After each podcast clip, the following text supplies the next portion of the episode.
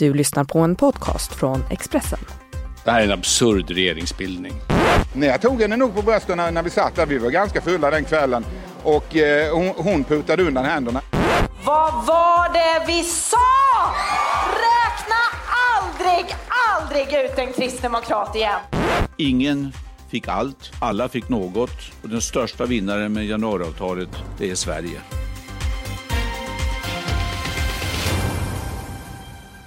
Ja, det tog 129 dagar så hade Sverige en regering. Men fanns det någon enda vinnare egentligen? Vem går på sommarlov med störst huvudvärk? Topparna, flopparna, chipskålarna och de hemliga lapparna. Du lyssnar på ett lite extra uppspelt avsnitt av Politikpodden där vi idag ska sammanfatta detta mastiga politikår. Och det tillsammans med i studion Linda Nordlund, Expressens ledarskribent, välkommen. Tackar, tackar. Och Niklas Svensson, politikreporter på Expressen. Hej Niklas! Hej!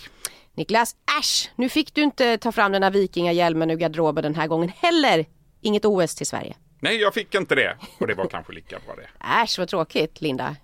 Nej, jag håller helt med. Det hade varit absurt att ge det till Sverige när vi hade en budget som rent, helt uppenbart inte skulle gå ihop. Ah. Men jag tänkte faktiskt på det igår när statsminister Stefan Löfven, då dök han upp där i Lausanne eh, för att svara på frågor om, om Sveriges OS-kandidatur.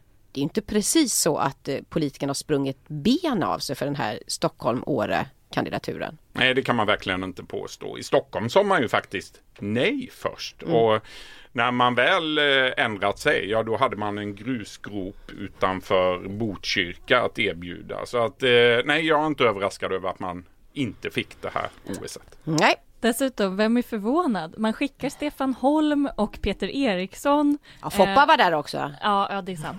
och kronprinsessan. Kronprinsessan var väl det starkaste kortet får man mm, säga. Mm. Men det man måste inse är att när det gäller slutna omröstningar, då finns det ingen som är så duktig som italienarna på att eh, komma med bra små hemliga dealar och, och liksom sköta saker lite under bordet eh, och helt enkelt vinna. Sverige har aldrig en chans mot Italien i en sluten omröstning. Nej, det handlar inte alls om att Cortina är en mycket härligare ställe än Falun.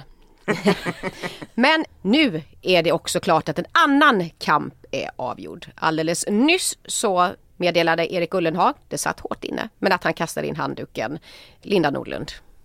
Ja, i partiet så har man ju ansett det sen eh, när Maria Leisner 95 blev vald till partiordförande, trots att Bo Könberg var den som var föreslagen av valberedningen och även Ann Wibble ställde upp och det var ett trevägsrace hela vägen in på landsmötet. Så sen dess har partiet varit väldigt tydliga med att man vill inte ha fler än en kandidat vid själva omröstningen. Mm. Eh, för det skapar för mycket splittring och det blir för rörigt. Eh, så på det sättet så var det ju väntat att Erik Ullenhag skulle ta sitt förnuft till fånga. Mm. Det jag tyckte var intressant var att han inte gjorde det direkt, utan då skrev han ju först på Facebook. Vi, vi ses, ses, på landsmötet. Exakt, mm. och då kände man ju lite, okej, okay, är det så att han ändå försöker? Så det är möjligt att han har ringt runt till ombud nu, men insett att matten inte går ihop. Mm. Niklas? Mm. Jag tycker att det var väldigt väntat. Eh, en splittring öppet på det här mötet på fredag hade skadat partiet något oerhört. Ännu och, mer? Ja, ännu mer och det har naturligtvis Erik Ullenhag också kommit fram till. Han skriver ju här i sin debattartikel som publiceras i Aftonbladet att att eh, risken är att splittringen ökar om jag fortsätter min kandidatur. Mm. Och precis så är det ju. Mm. Vi visste att eh, Nyamko Sabuni hade ett oerhört stort stöd. Det har vi vetat ganska länge. Ja, men inte från början. Det tänker jag på med han. Mm. Vilken, vilket nederlag egentligen. Här kom han. Liksom, dels för partietablissemanget då, men, men, för honom också tänker jag. Här, Nyamko Sabuni var ju den som slog i underläge och, och Erik Ullenhag var the golden boy som skulle, skulle komma hem och på något sätt frälsa partiet. Samtidigt har han faktiskt en ambassadörspost att åter... falla tillbaka Han på. åker tillbaka, han till, åka Jordanien. tillbaka till Jordanien. Mm. Men handlar det om att rädda den egna karriären framgent, Linda? Det skulle kunna tolkas som det. Om man visar sig vara en värdig förlorare så kanske man kan få vara påtänkt till någon hög post även framöver. Kanske under nästa partiledare då eftersom ja, jag tror inte Nyamko Sabuni kommer vara den första att, att erbjuda honom en ministerpost. Eh, men absolut, man kan se det som att det är ett säkert sätt att liksom spara sina kort till senare. Mm. Men vad hände då? Vad gick det fel? Jag tror att partiledningen missbedömde hur utbrett missnöjet var med inte bara Jan Björklund som person utan med hela det persongalleri som har styrt partiet under de senaste 15 åren. Där man har sett att man har backat i varje val sedan 2002 eh, och det missnöjet hade man inte riktigt räknat med, tror jag. Eh, jag tror att man också hade missbedömt precis hur illa omtyckt januariavtalet är eh, ute i partilandet. Eftersom man fick med sig ombuden på den extrainsatta partirådet i våras så tror jag att man tänkte att det var ganska förankrat. Men det här visar ju att, att Många i Liberalerna ser sig som borgerliga eh, och tycker att det ska vara ett borgerligt parti som hellre röstar för en moderat statsminister än en socialdemokrat. Men, mm. Men samtidigt har ju liksom Nyamko Sabunis ledarstil har ju lite grann jämförts med Jan Björklund. Ja, det blir väldigt, det är ju svårt att bedöma eftersom hon har inte riktigt varit en ledare förut. Hon har ju varit en solospelare, hon har varit minister eh, och naturligtvis haft en ledande position. Men hon har ju aldrig varit partisekreterare eller gruppledare i riksdagen och de här liksom mer ledarrollerna. Så det ska bli jätteintressant att se vilka hon formar till ett lag. För nu kommer det ju bli en ett utbyte på partikansliet och i riksdagsgruppen och sådär. Eh, så det kan ju vara intressant. Eh, är det Johan Persson som blir gruppledare till exempel i riksdagen? Eh, men vem ska bli Nyamko Sabunis mm. partisekreterare? Mm. Hur mycket skruvar Stefan Löfven på sig i det här läget då Niklas? Oerhört mycket. Jag tror att väldigt många liberaler som stöttat Erik Ullenhag är knäckta idag och, och undrar vad som ska hända framöver. Men det är också Stefan Löfven. För i höst ska det förhandlas budget. Han hade räknat med att kunna sitta där med den nya partiledaren Erik Ullenhag som är positivt inställd till det här samarbetet. Nu får han sitta med Nyamko Sabuni som från dag ett har ifrågasatt den här januariöverenskommelsen en eh, ordentlig huvudvärk för Sveriges statsminister. Mm. Du pratar om det lite besvikna röster. Vi har ju redan här på nyhetsredaktionen fångat upp en del, bland annat Barbro Westerholm som ju var då Ullenha team Ullenhag. Eh, men, som, men som också säger att det fanns ju inget annat att göra i det här läget. Men hur stor utmaning blir det då för, för Nyamko att ena partiet? Det kommer nog vara ganska svårt. Alltså på ett sätt så ser ju partilandet enat ut. Hon har vunnit 19 av 21 länsförbund. Men sen är ju väldigt många av de här länsförbunden väldigt splittrade så att det kommer ju krävas en viss lyhördhet eh, men också att den förlorande sidan nu verkligen eh, visar att man är eh, lite större som personer än vad man kanske har varit i kommentarsfälten på Facebook. Och faktiskt ger henne ett mandat att köra sin grej åtminstone ett tag eh, och se om det flyger. Mm. Får hon en smekmånad? Det är jättesvårt att säga. Det är ju inte som i Moderaterna. Där är det ju så att man väljer en VD för AB-Moderaterna och sen får den personen köra på tills man har fått liksom, eh, börskursen i botten och då byts man ut snabbt eh, som ögat. Men fram tills dess så är det liksom partiledarens ord som gäller. I Liberalerna är ju partiledaren alltid lite halvifrågasatt. Eh, men det vore kanske bättre för partiet om de eh, slöt upp och enades. Mm. Nu blir det ju alltså Namco Sabuni då som vi ser från, från Almedalen här mm. på, på scenen. Vad tror du blir nyckeln för henne? Vad ska hon trycka på i sitt första tal? Eh, jag tror att hon kommer att nämna Alliansen eh, i sitt första tal. Så skruvar Stefan på sig lite till. Det tror jag att han kommer att få anledning att göra ganska snabbt faktiskt. Och jag tror att Ulf Kristersson och Moderaterna har anledning att vädra morgonluft nu med Nyamko Sabuni. Men det ska bli spännande förstås att höra henne i eh, det första Almedalstalet. Hon får väl sätta sig nu redan i eftermiddag och börja fila på det talet. För det blir ju något slags linjetal för Liberalernas nya partiledare. Ja, det blir spännande att följa. Jag hoppas att hon pratar om miljö. Hon har ju jobbat som hållbarhetschef och hon har också lyft fram det som en av sina profilfrågor i den här partiledarkampanjen. Så det tror jag vore jättebra om Sverige kunde få ett miljöparti som inte sitter i knät på några särintressen, vare sig det är skogsindustrin och lantbrukarna eller Naturskyddsföreningen. Ingen ministerpost Erik Ullenhag? Jag tror tyvärr inte det, inte än på några år. Vi ska ju som sagt fortsätta att sammanfatta det här politikåret med riksdagsval och val till EU-parlamentet som det har varit och allt kaos däremellan. Linda, nu när det ändå blir sommarlov här för våra politiker efter Almedalen, för de flesta i alla fall. Finns det någon som du ser som kan lägga sig och vara nöjd i hängmattan? Jag skulle väl säga att om man ska utse någon slags vinnare under det här mm. kaosåret så är väl det talmannen. Han har mm. ju lyckats bli väldigt folklig mm. i en ganska ofolklig roll. Eh, men allt det myckna fikandet har liksom eh, smält, eh, det var vägen till Biskvier Svenssons... och finska pinnar. Jajamän. Och, ja. Vi kan bara lyssna hur, hur det lät då när, när svenska folket fick bekanta sig med talmannen. Min bedömning är att det är sannolikt att det kommer att bli aktuellt med en eller flera ytterligare talmansrundor. Det är väl eh, utan att avslöja någon statshemlighet så är inte alla överens om hur fortsättningen ska se ut, så är det ju. Ja, och många runder blev det. Ja, så jag tycker ju att det här är lite, att han är lite orimligt populär därför att det var ju mm. hans fel att det tog hela hösten. Vi borde ha kunnat få en regering på plats åtminstone någon gång liksom, i december mm. eh, eller till och med november men eh, att han gav partiledarna så väldigt många rundor och att det var så långa runder, det var två veckor mm. i början. Det tyckte jag var dåligt ledarskap. Han är inte din vinnare. Så att han är, har tyvärr inte vunnit mitt hjärta, Nej. men folkets. Och det är kanske mer värt. Det kanske det är. Niklas Svensson, du har ju då eh, fått den eh, äran att utse det här politikårets största förlorare. Mm. Eh, det har jag och det finns ju ett gäng mm. kan man väl säga. Väljarna kanske i allra första hand. Men, ja. men eh, eh, Feministiskt initiativ det får väl ändå sägas vara de allra största förlorarna. Mm. De åkte ur Europaparlamentet och de blev av med sin partiledare mm. och grundare Gudrun Schyman som nu istället ska ägna sig åt klimataktivism mm. vad jag förstår. Mm. Kommer vi sakna Gudrun Schyman? Ja det är klart att vi kommer. Precis som vi saknar Göran Persson och saknar Carl Bildt. Alltså de politiker som eh, varit på toppositioner och som mm. är mer bekväma i rollen gentemot oss journalister. De saknar vi. Mm. Så mycket för alla homeparton kors och tvärs över Sverige och hundratusen uppeldade spänn i Almedalen.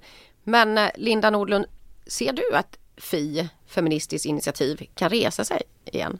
Nej, det tror jag verkligen inte. Både för att de saknar en sån fixstjärna men också för att ärligt talat, det är ganska stor skillnad på det politiska klimatet idag jämfört med vad det var för fem sex år sedan. Eh, så att, eh, jag, jag, tror att eh, Fi gör slutgiltig sorti. 129 dagar delar blev det som sagt av denna sop, eh, såpopera, en långkörare och som eh, om det hade varit filmens värld så hade vi ju, kan vi ju faktiskt i politiken även hitta huvudroller och biroller och andra kategorier. Och vi ska kolla på några till här. Och jag tänkte att vi skulle börja med årets eh, rekvisita. Ska vi utse här nu och eh, nominerad är den kommer inte att publiceras utan det är en intern överenskommelse mellan partierna. Men det är ju överenskomna formuleringar. Är den muntlig eller skriftlig och hur många punkter är det? Det finns ett papper som ni aldrig kommer att få se. Ja, Jonas Sjöstedts papper Linda, nummer ett.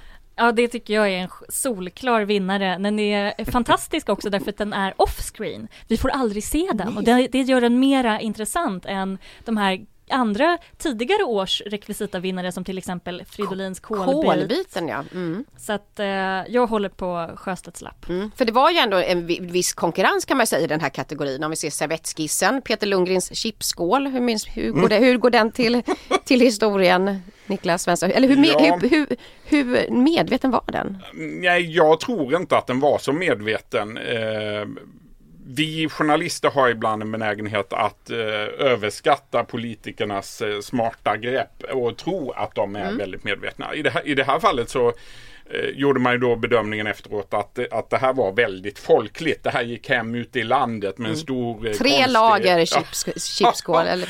Jag tror att det var någon som lite stressat hade hällt upp lite för många påsar av olika sort i samma skål. Mm. Och att eh, de inte alls hade tänkt igenom det här. Mm. Och det som gjorde det till en hit och inte en miss, det var ju att Jimmy Åkesson reagerade spontant och naturligt som resten av svenska folket. Vad är det här?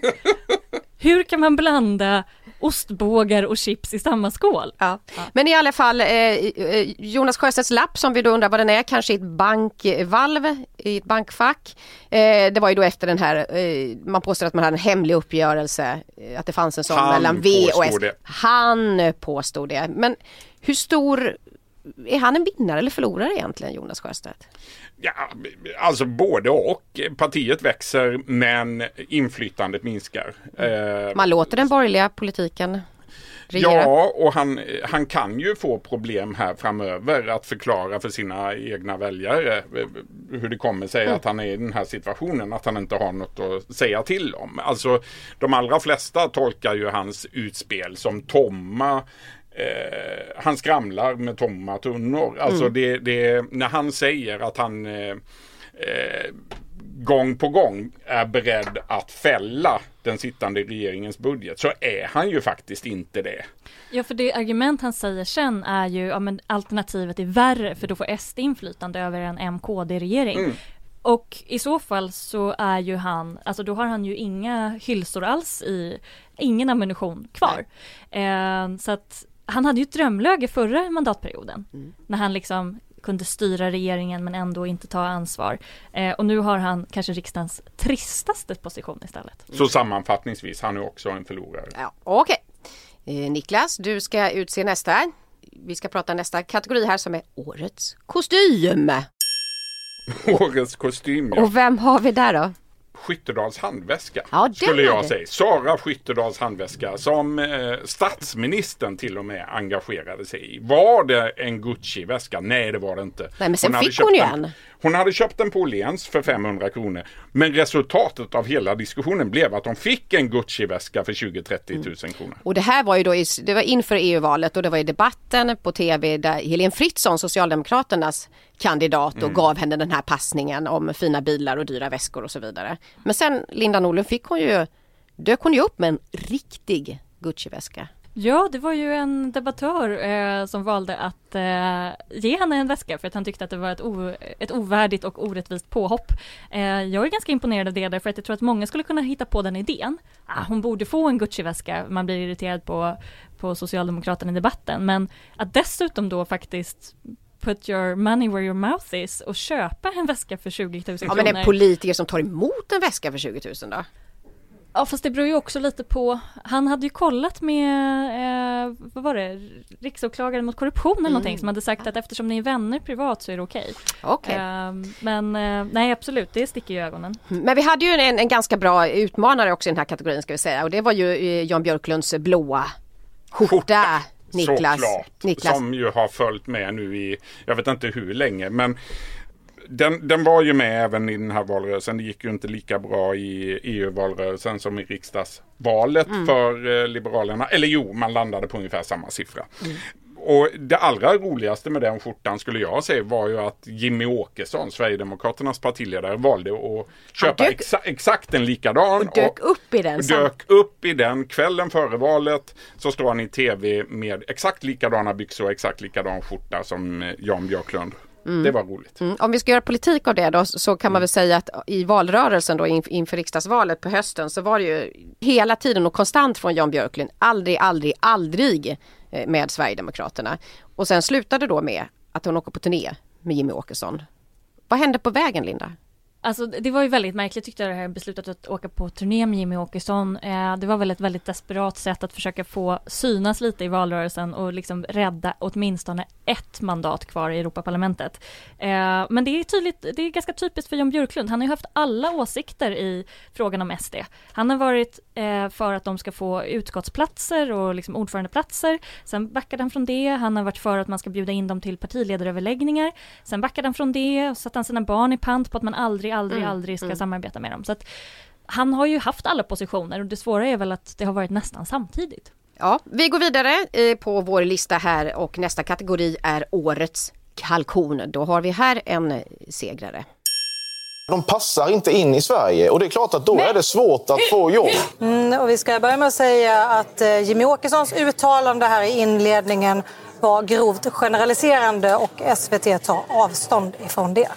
Mm. Niklas Svensson, detta är årets kalkon. Ja, och då tänker jag inte på Jimmy Åkessons uttalande i första hand utan på Sveriges Televisions uttalande. Avståndstagandet som blev eh, eh, det stora samtalsämnet på valdagen. Ja, det här var kvällen innan SVTs debatt, kvällen innan, timmar innan vallokalerna ska öppna. Sanslöst, makalöst att public service på det här sättet går in och faktiskt påverkar eh, i slutskedet av den svenska valrörelsen. Hur mycket påverkade det Linda?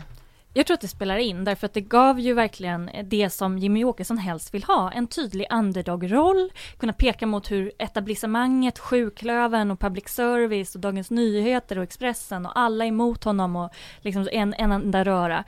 Dessutom, jag tyckte också att det var upprörande, det han sa var upprörande, men det hörde vi ju här. Annie Lööf markerade, mm. de andra partiledarna markerade. Det var inte så att han fick stå helt oemotsagd. Hon bankade i bordet. Ja, eh, så att jag, jag tycker också det var en väldigt, väldigt konstigt beslut från public service. Och jag hoppas att de har lärt sig. Men hörni, som ni vet, ingen, ingen actionfilm, drama eller thriller utan en skurk kanske inte ska dra helt den parallellen men i alla fall prekära situationer och eh, politiska skandaler har det varit också det här året. Vi ska höra hur det lät i en av dem. Det här började ju i höstas eh, då eh, Moderaterna tog kontakt med oss och redogjorde då för oacceptabla beteenden som Eskil har gjort. Och det krävdes en lång rad av samtal innan Eskil Erlandsson själv valde att avgå. Mm, det här var alltså då den tidigare landsbygdsministern och C-toppen Eskil Erlandsson som får lämna riksdagen med omedelbar verkan. Och Niklas Svensson, det var du som avslöjade den här historien. Mm. Om du bara recappa den helt kort. Ja, eh, denna tidigare då centerpartistiska minister har tafsat på ett antal eh, kvinnor i andra partier. Mm. Eh, företrädesvis moderata riksdagskvinnor vid flera tillfällen. Eh, det här kommer till Centerpartiets partilednings kännedom några månader tidigare. Gruppledaren tar ett samtal med Eskil Erlandsson och förklarar att det här är ett oacceptabelt beteende och sen exakt vad som sägs i samtalen mellan eh partisekreteraren och Eskil Erlandsson det har vi ännu inte riktigt fått Nej, han har, han har inte sagt någonting. Efteråt. Nej, sen när Expressen avslöjar det här då går det undan. Eh, bara några timmar efter vår publicering så har Eskil Erlandsson lämnat alla uppdrag. Men Eh, några dagar tidigare så eh, skickade partiet ut ett pressmeddelande där han fortfarande fanns kvar i partiledningen. Så att eh, man ville gärna från Centerpartiets partilednings sida sätta bilden av att man agerade direkt. Mm. Men det kan vi nu slå fast att det gjorde man definitivt inte. Nej, men i alla fall en annan krishantering än vad Sverigedemokraterna hade då i fallet Peter Lundgren och eh, brösttafsandet där. Mm. Eh, jag tänkte om man skulle se då, Peter Lundgren har vi, har vi nämnt här, vi hade Lars Adaktussons abortvoteringar, mm. Annika Strandhälls KU-granskning och så Moderaterna, mamma-Moderaterna håller jag på att kalla dem nu då, men Erik Bengtsbo och de här som fifflade eller utnyttjade kan man väl säga boendeersättningar. Vi kan nämna det är många skandaler. Ja, vilken är värst då? Alltså, vi ska också nämna Cecilia Wikström. Hon mm. eh, lämnade eh, Liberalernas eh, partiledning och eh, uppdraget som Europaparlamentariker en månad före valet. Vi hade Emma Karlsson Lövdahl, Liberalerna också, eh, som hyrde en lägenhet av sin man. Vi hade Pernilla Günther och mm. Caroline Schüber. Eh, allt det här ska vi säga var skandaler som avslöjades av tidningen Aftonbladet mm. och som fick väldigt dramatiska konsekvenser för de här enskilda personerna. Fem riksdagsledamöter har på ett år avgått till följd av den här granskningen av makten som Aftonbladet har gjort. Mm.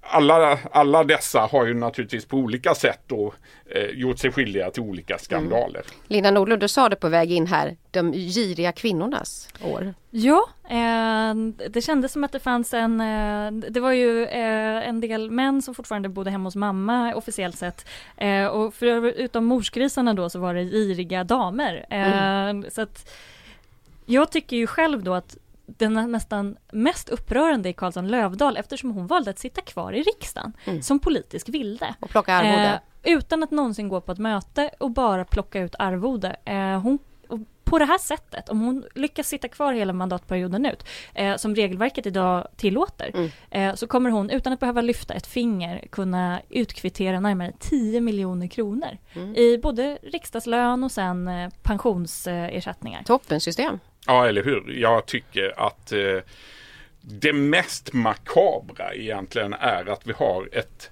system som tillåter det här. Att vi har så luddiga regler så att man inte kommer åt riksdagsledamöter som i vanliga människors ögon är brottslingar. Mm.